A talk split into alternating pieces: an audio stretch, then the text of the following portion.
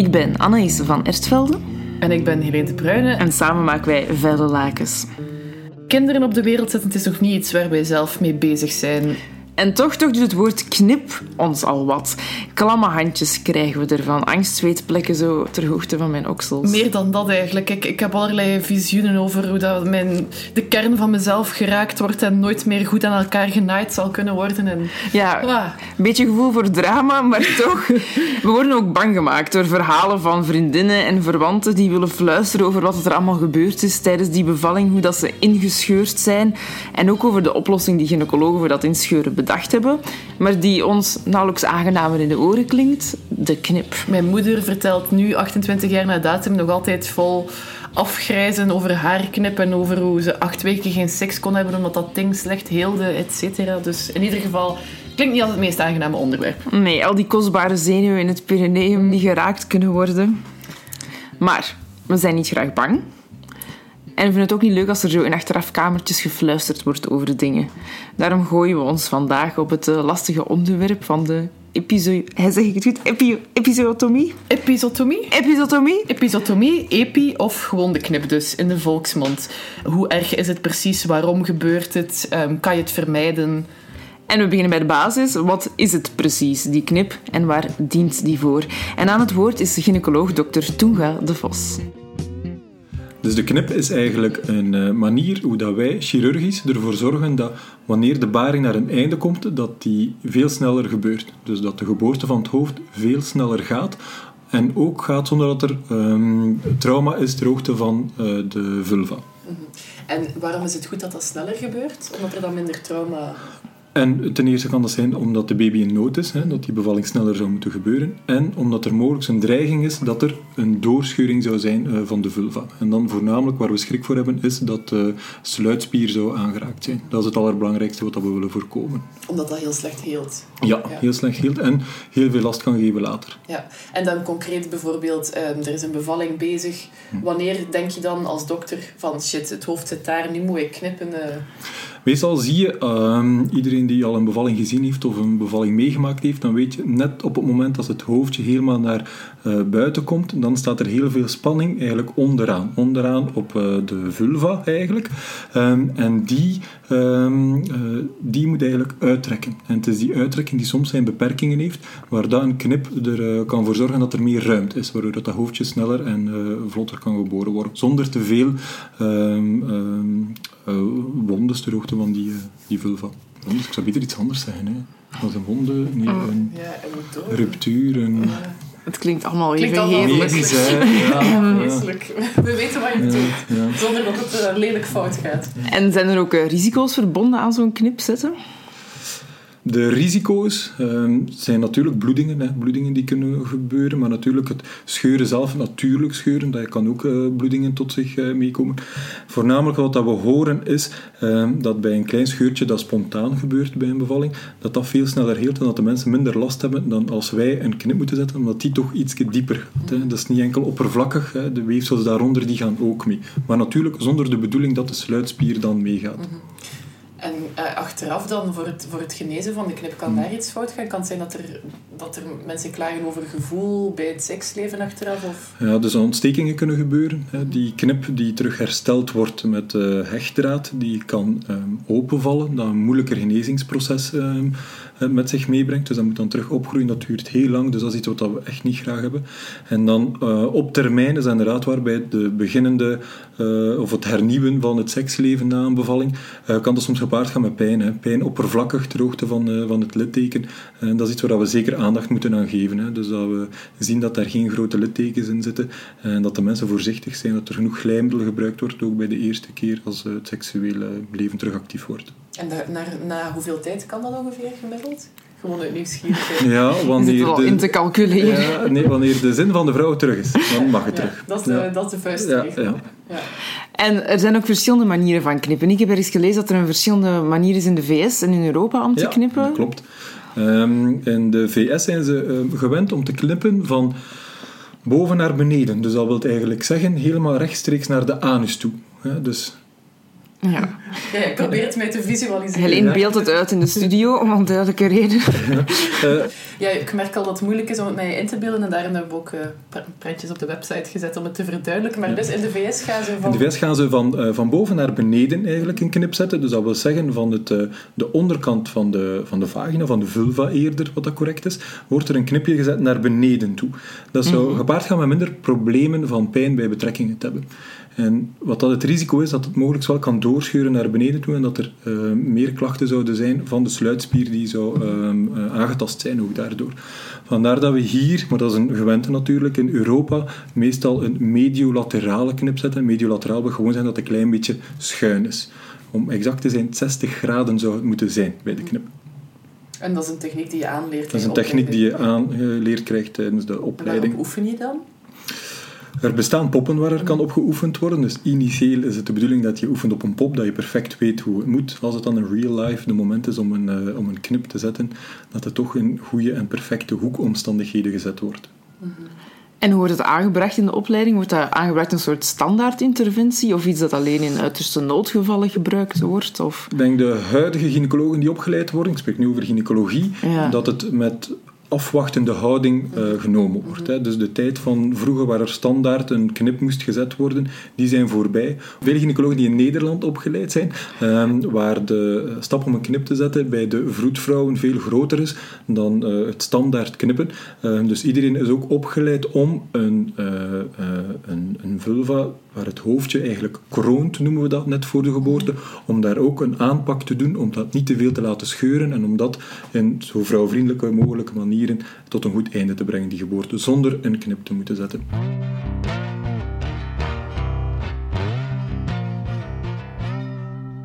Maar die knip is niet wars van controverse. Laatst stond er nog in de krant dat zwangere vrouwen zich moesten verzetten tegen de knip. Grote koppen. En aanleiding was ook eh, de cijfers die uitgebracht werden. Die lagen in Vlaanderen heel erg hoog. Ik denk bijna de helft van de bevallingen daarbij wordt geknipt. En dat is veel hoger dan in Wallonië of in de ons omringende landen. En in Denemarken wordt er zelfs maar in 6% van de gevallen geknipt. Hier in België is het trouwens voor de duidelijkheid ehm, 47%. Ehm, maar het 70% wordt geknipt bij de eerste Wordt bevalling. geknipt bij de eerste bevalling. Waarom gebeurt het hier meer, vroegen we ons af. Die zijn nog heel hoog, omdat de standaard van vroeger, het knippen, heel snel knippen, ehm, eh, er nog altijd een klein beetje in zit. Maar we zien sowieso jaar na jaar dat het aantal ehm, standaard knippen naar beneden gaat. Hè. Zeker in Brussel, die het laagst is in eh, België. En daarna Wallonië en daarna Vlaanderen, die wat achterop hinkelt, maar het is toch ook dalende. En hoe denk je dat dat komt, dat het hier zo moeilijk is om het terug uitgeburgerd te krijgen?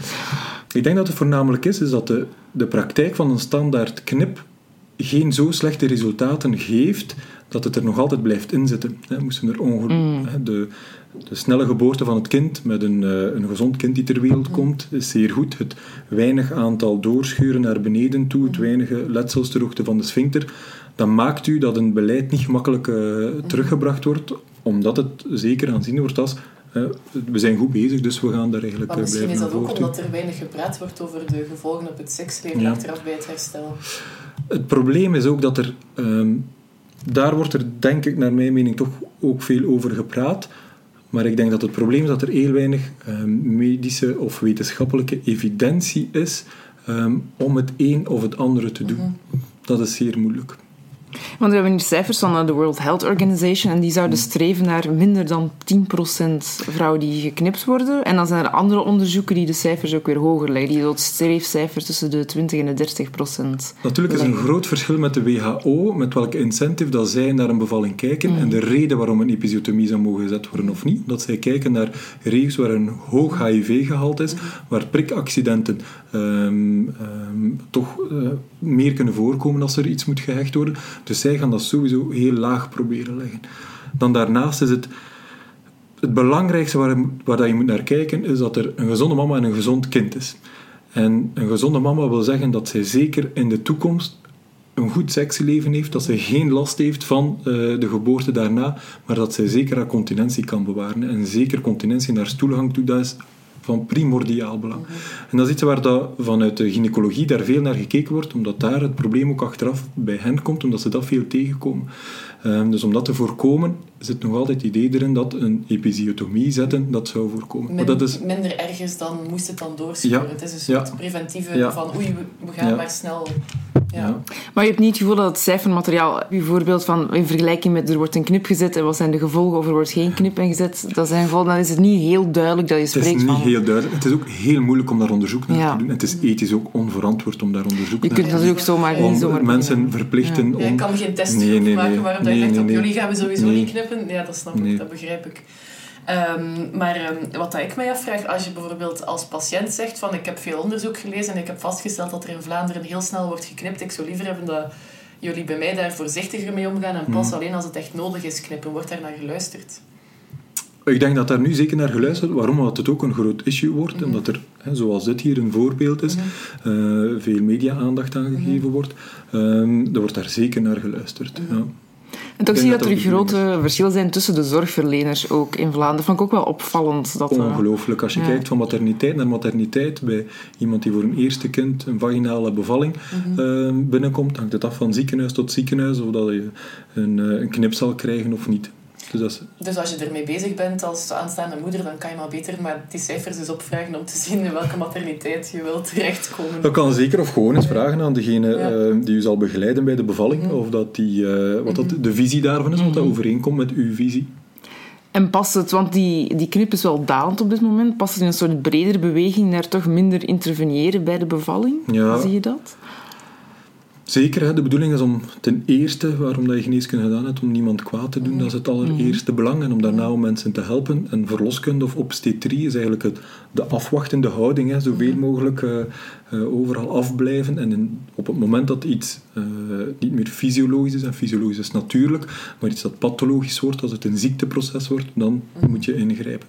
En dat is een nauwe grens, hè, want um, het is ook zeker afhankelijk van de persoon die het doet, de, de knip zetten en ook afhankelijk van wat die allemaal meegemaakt heeft op uh, dat uh, moment, zijn er uh, veel grote problemen geweest met sluitspieren. Dan zal de periode daarna, ziet men dat er sneller een knip gezet wordt. Ook hangt het ervan af um, in welke um, uh, manier, of op welke manier dat er bevallen wordt. Hè.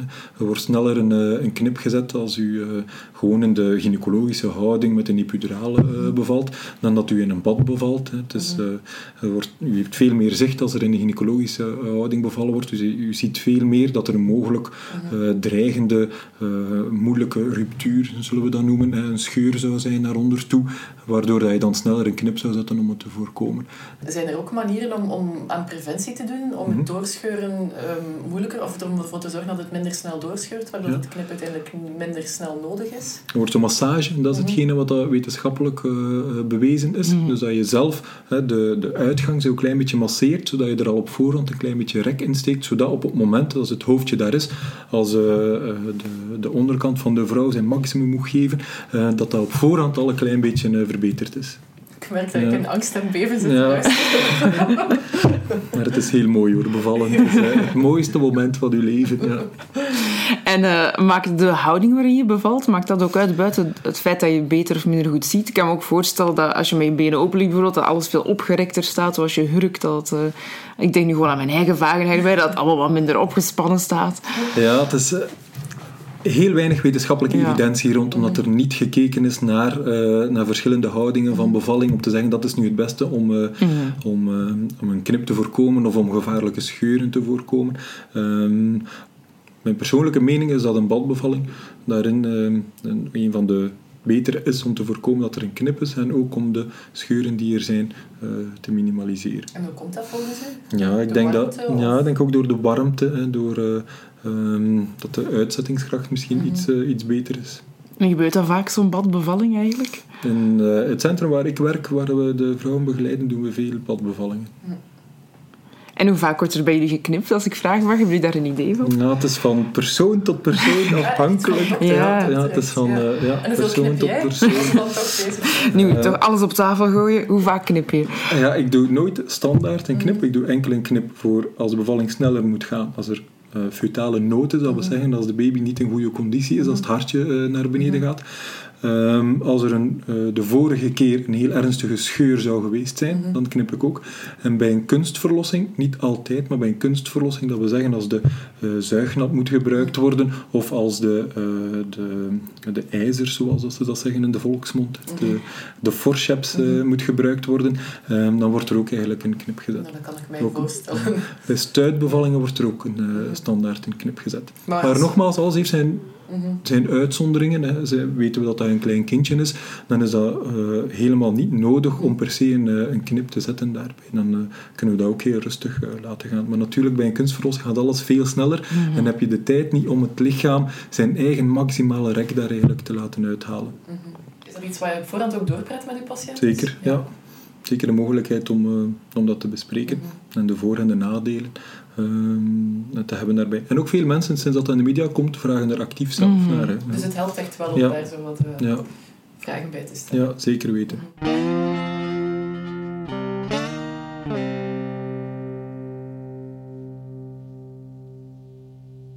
Tot zover de medische kant van de zaak. Maar geneeskunde ehm, is een wetenschap, maar staat natuurlijk niet in een vacuüm. Dus daarom kon het niet laten om er ook nog een historica bij te halen voor deze uitzending. En dat is Noemi Willem. Zij doet aan de UCL onderzoek naar de geschiedenis van seksualiteit en van verloskunde in de 19e en 20e eeuw. Als je naar de geschiedenis van verloskunde kijkt, eeuwenlang was bevallen een vrouwendomein.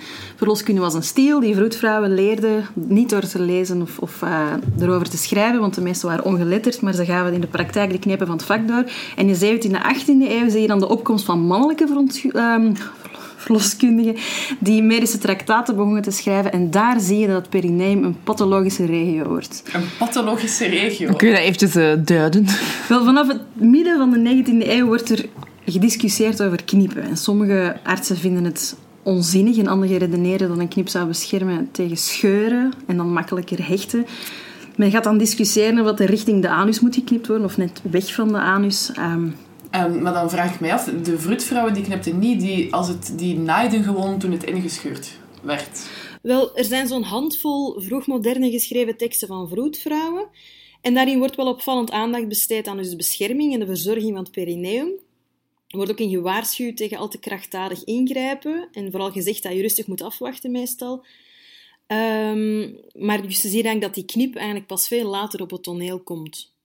Er is een Zwitserse arts die het heeft over een 9% scheuren, maar dat wordt dus niet dan niet echt beschouwd als, als de belangrijkste complicatie waartegen iets moet gebeuren. Het is pas vanaf dat de mannelijke verloskundigen het overnemen dat die regio echt een probleem wordt. En die knip breekt dan echt door in de 20e eeuw en dan moet je echt kaderen in een grondige verandering van het geboortelandschap in de meeste westerse landen. Onder invloed van in 1904 van een Amerikaanse dokter, Joseph Lee, die een heel invloedrijke tekst heeft geschreven waarin stond dat de hele tweede fase van de bevalling, de persfase, pathogeen was en dus pathologisch en dat die beter vervangen kon worden door een algemene verdoving en chirurgische hulp van knip en forceps. Dus eigenlijk ook gewoon het idee dat een bevalling... Een ziekte is, of dat een zwangerschap een ziekte is waar je van moet verlost zijn. Dat die persfase echt een pro- problemen gaf. En dat, dat je die best kon vervangen door, door gewoon in te grijpen. Een ander idee dat je dan ook wel eens terugvindt, is dat vrouwen baat hebben bij een knip, omdat artsen hen bij het hechten aan een betere bekkenbodem konden helpen. Dus een strakkere vagina eigenlijk. Een strakker perineum.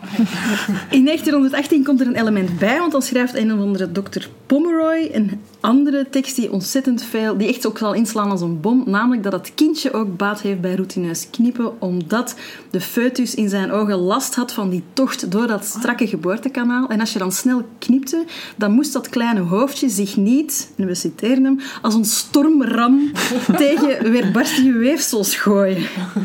En de boodschap aan artsen wordt dan echt heel duidelijk. Jullie moeten nu de show gaan runnen en zo geschieden. En vanaf dan zal bevallen meer en meer in het moederhuis gebeuren. Daar hoort dan standaard die verlostafel bij, die vrouwen op de rug dwong, waar ze vaak aan vastgemaakt werden, zodat ze niet meer konden bewegen. Het gaf de, de arts dan een heel goed uitzicht over de zaak en het maakte het vrouwen heel moeilijk om op eigen kracht te baren, wat dan alweer het idee verstrekte dat ze hulp nodig hadden.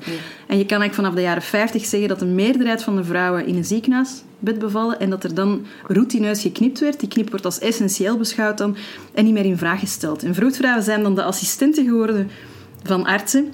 En hun taak wordt vooral om dat perineum te voor te bereiden als een chirurgische site. Door het af te bakenen met steriele doeken, te scheren, te ontsmetten. Waardoor het echt terrein wordt van de arts. En er letterlijk een barrière opgeworpen wordt tussen de barende en haar eigen perineum. En heel interessant in dat verhaal is dus ook de overgang van bevallen in een sociale omgeving, zoals je eigen huis, met vroedvrouwen, zoals het vroeger gebeurde. Andere vrouwen die je ondersteunden, masseerden en aanraakten naar een ziekenhuisomgeving.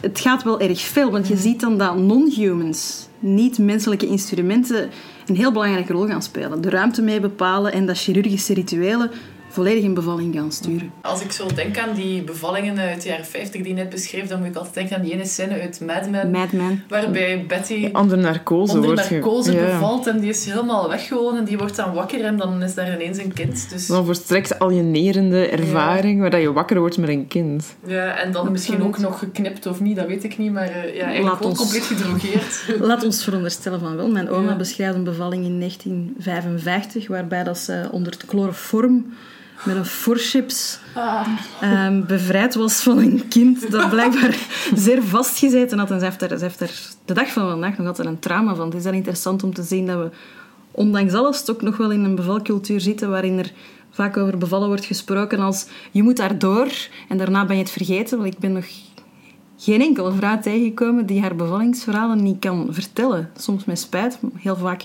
met een leuk gevoel. En dat zijn, dat zijn live events die je een heel leven meedraagt. En dat heeft ook effect op wat voor een moeder dat je kan zijn. Of hoe ouders beginnen aan hun parcours. Je zegt dan ook dat eh, het onderzoek wel al lang gecontesteerd is. Dus dat het niet een nieuwe beweging is dat mensen zeggen van is het wel zo nodig die knip, maar dat het vanaf het begin eigenlijk eh, tegenonderzoek was en ook een tegenbeweging tegen ons. Misschien niet vanaf het begin, maar je ziet dus wel van, van zo gauw dat, er, ehm, dat, dat, dat je die heel sterke medicalisering krijgt, dan komen er wel tegenstemmen. Het interessante aan die knip is dus echt dat die ingreep al heel lang gecontesteerd wordt. Zoals bijvoorbeeld in 1957 is er een vrouwelijke gynaecologe, Constance Bynum, en die stelt de hele aanpak van die bewuste uitdrijvingsfase in vraag.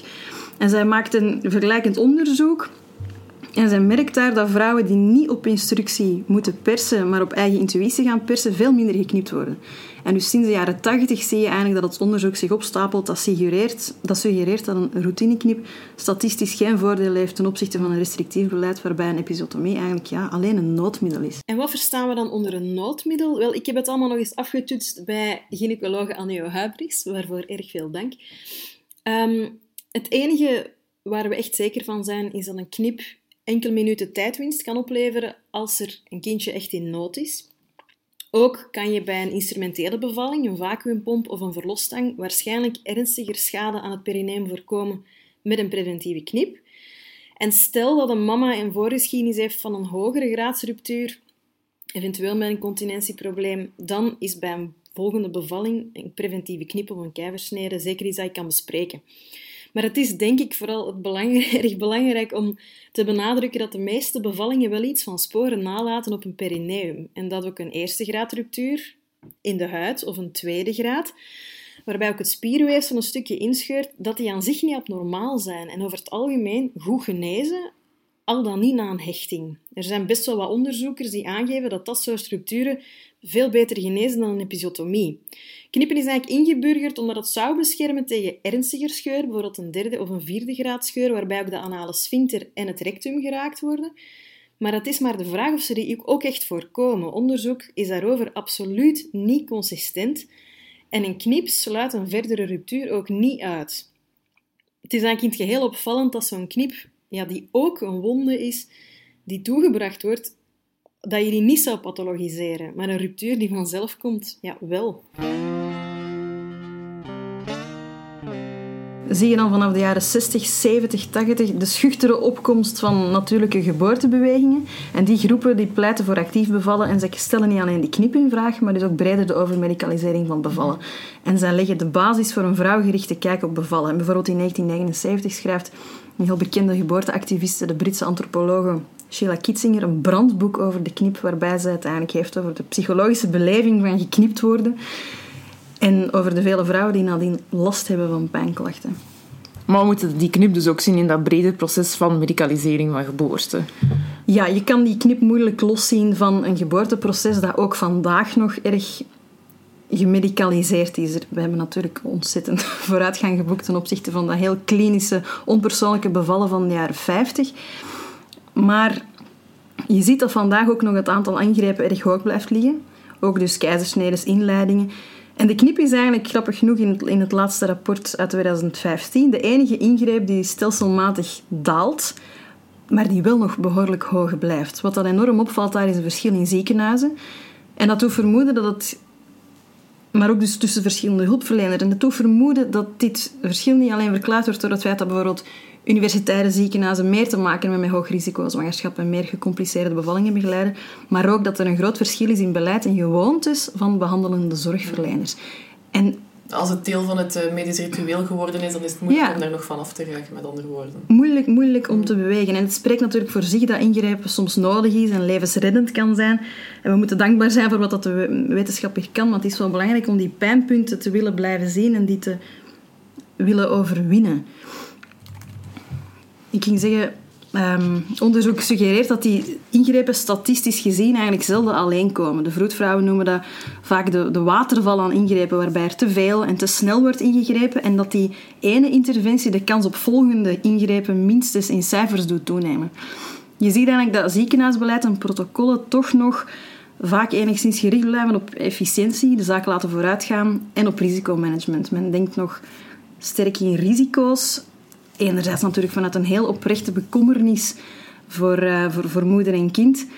Maar ook vanuit ziekenhuisbeleid wordt er natuurlijk gedacht aan aansprakelijkheid in het vreselijke geval dat er echt iets zou moeten misgaan. En dat is een denken dat het inperken van overbodig ingrijpen niet vooruit zal helpen.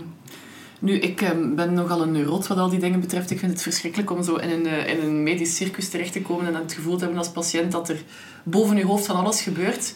En, en dat roept dan bij mij ook de vraag op, ik ben nog nooit bevallen, maar um, communiceren dokters daar voldoende over, over al die routinebehandelingen en wat er eventueel fout loopt en wat dat ze dan gaan doen en wanneer ze gaan knippen, communiceren ze daar genoeg over met de patiënt? Wel, dat is eigenlijk een aspect dat nog sterk onderbelicht blijft. Hè. Je merkt eigenlijk dat um, veel vrouwen die over een knip spreken, en ze zijn met ontzettend veel in Vlaanderen, geven aan dat voorafgaand aan die knip dat er geen informatie gegeven is over het waarom eigenlijk, over de gevolgen.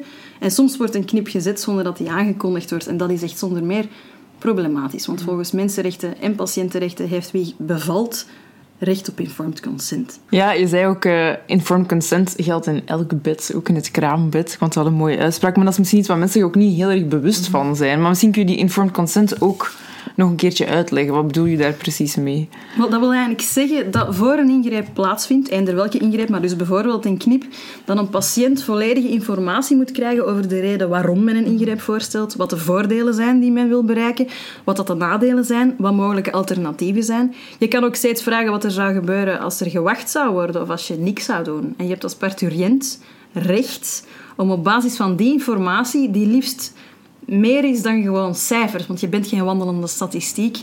Um, informatie moet aangepast worden aan jouw eigen situatie eigenlijk.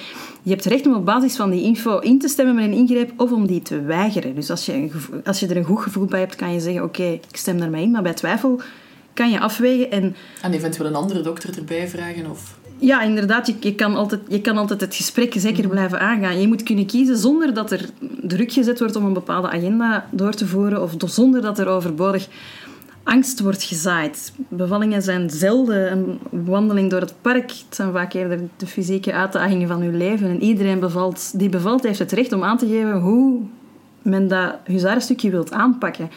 Ook een bevalling waarbij voor interventies gekozen wordt of waarbij interventies nodig zijn, kan een van de meest empowerende dagen van uw leven zijn. Als je maar de kans krijgt om het te beslissen. En je hebt het recht om die dialoog aan te gaan, om je keuzes duidelijk te maken, welke die keuzes ook zijn. Je bent geen valies waar een baby in zit. Je bent een mens. En ethisch gezien kan je geen middel zijn om een doel te bereiken. Mhm. Plus, en dat lijkt mij erg belangrijk, het maakt baby's niet onveiliger. Mhm. Moeders voelen veel aan en zullen maar heel zelden iets doen dat hun kind echt in gevaar brengt. Heel vaak zijn de belangen van moeders evengoed de belangen van het kind. Die hoeven elkaar niet te bestrijden. Dat is achtergehaald denken. En denk je dat het kan helpen om patiënten um, duidelijk te maken dat er zoiets bestaat als informed consent, zodat ze op voorhand met de gynaecoloog doorspreken van ik heb hier recht op, dus ik wil dat je tijdens de bevalling alles met mij doorpraat. Dus misschien moet de patiënt daar ook vragende partij voor beginnen zijn. Ik heb sowieso het idee dat er heel weinig geweten is over mhm. patiëntenrechten, mm Ik denk dat er heel weinig geweten is over patiëntenrechten sowieso. En dat wij, ja, er is wel een, doorheen de jaren is er natuurlijk een bevalcultuur gecreëerd waarin vrouwen veraf staan van dat gebeuren. Er is een, groot, er is een tegenbeweging, zeker en vast. En we krijgen wel informatie, maar men gaat er niet van uit dat de, pas, dat de parturiënt beslist over haar eigen bevalling. We gaan nog altijd uit van medische experten Mhm. die de boel in, in Terwijl goede dat, samen, dat ook een samenwerken zou kunnen zijn. Het zou een samenwerking moeten zijn, Ja. want dat, dat zou eigenlijk helemaal geen, geen probleem hoeven te zijn. En heel veel artsen en zorgverleners staan er ook echt wel voor open. Dus als je zwanger bent en geïnteresseerd bent in dat thema, dan kan je massa's informatie vinden bij je eigen zorgverlener op informatieve websites. Er zijn echt teksten zat met informatie of met ervaringsverhalen. En het is een goed idee om al voor je bevalling echt een geboorteplan samen op te stellen waarin jouw verschillende opties staan en de keuzes die jij maakt. En ook als je een idee hebt, stel het voor. Vaak is er best veel mogelijk als je een dialoog kan aangaan. Ja, dat is wel hoopvol. En je, je gaf ook aan, voordat je in het interview begon, dat, dat, dat je mensen niet bang wilde maken om te gaan bevallen. Want als ik over de knip hoor, dan, dan schiet ik al meteen in paniek. En denk ik van, no way, nooit geen dokter zat daar uit te scharen. Maar eh, ja, je bent dan nu wel aan het counteren door, door je constructieve... Ja, laat Ja. ons echt niet bijdragen aan, aan de ongegronde angst die heerst over het bevallen en ook over de knip. Hè. Dus het onderzoek over hoe je het perineum kan beschermen, dat moet eigenlijk dringend uitgebreid worden. Maar er zijn wel een paar mogelijkheden waarmee geëxperimenteerd wordt. En grappig genoeg vind je sommige van die zaken al terug in geschriften uit de tweede eeuw voor Christus. Bijvoorbeeld perineummassage. Dat heeft voor- en tegenstanders. Volgens sommige onderzoekers kan het absoluut helpen, maar anderen houden er niet zo van om voor de bevalling al al te veel te gaan prutsen aan de vagina. Ook bijvoorbeeld badbevallingen. Het beschermend effect van in water bevallen op het perineum is niet geheel duidelijk. Maar een deel van de arbeid of de hele bevalling in water doen lijkt wel anderzijds echt een effect te hebben op bijvoorbeeld pijnbeleving. Er wordt ook geëxperimenteerd met warme natte doeken aanbrengen of olie op het perineum tijdens de uitdrijvingsfase met het idee om de weefsels dus op te rekken. Maar ik denk eigenlijk bovenal dat het het belangrijkste is om naar bevalhoudingen te gaan kijken. Het heeft weinig zin, denk ik, om die knip te willen aanpakken zonder het rugliggen erbij te problematiseren. Als je op je zij of op je handen en knieën bevalt, dan verlaag je de druk op je perineum en dat kan dus zeker een piste zijn om te onderzoeken. Er zijn ook voldoende aanwijzingen om ervan uit te gaan dat bijvoorbeeld persen op instructie geen goed idee is. Nu, laten we wel wezen, al van deze maatregelen die gaan natuurlijk geen gaaf perineum eh, garanderen, maar het zijn wel zaken waar veel moeders goede ervaring mee hebben, om verschillende redenen. Dus zelfs zonder veel uitsluitsel van onderzoek zijn ze zeker de moeite waard om eens te bekijken.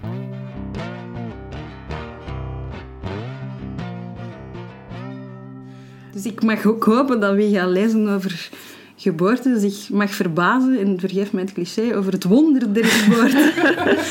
Want uw lichaam bereidt zich tijdens de zwangerschap al voor op de bevalling. Die, en die bevalling dat is echt een, een ingenieus hormonenspel dat er op gang trekt en dat het gaande houdt. En wie zich verwonderde over de clitoris, nodig ik uit om eens te gaan lezen over wat een baarmoeder wel niet vermag.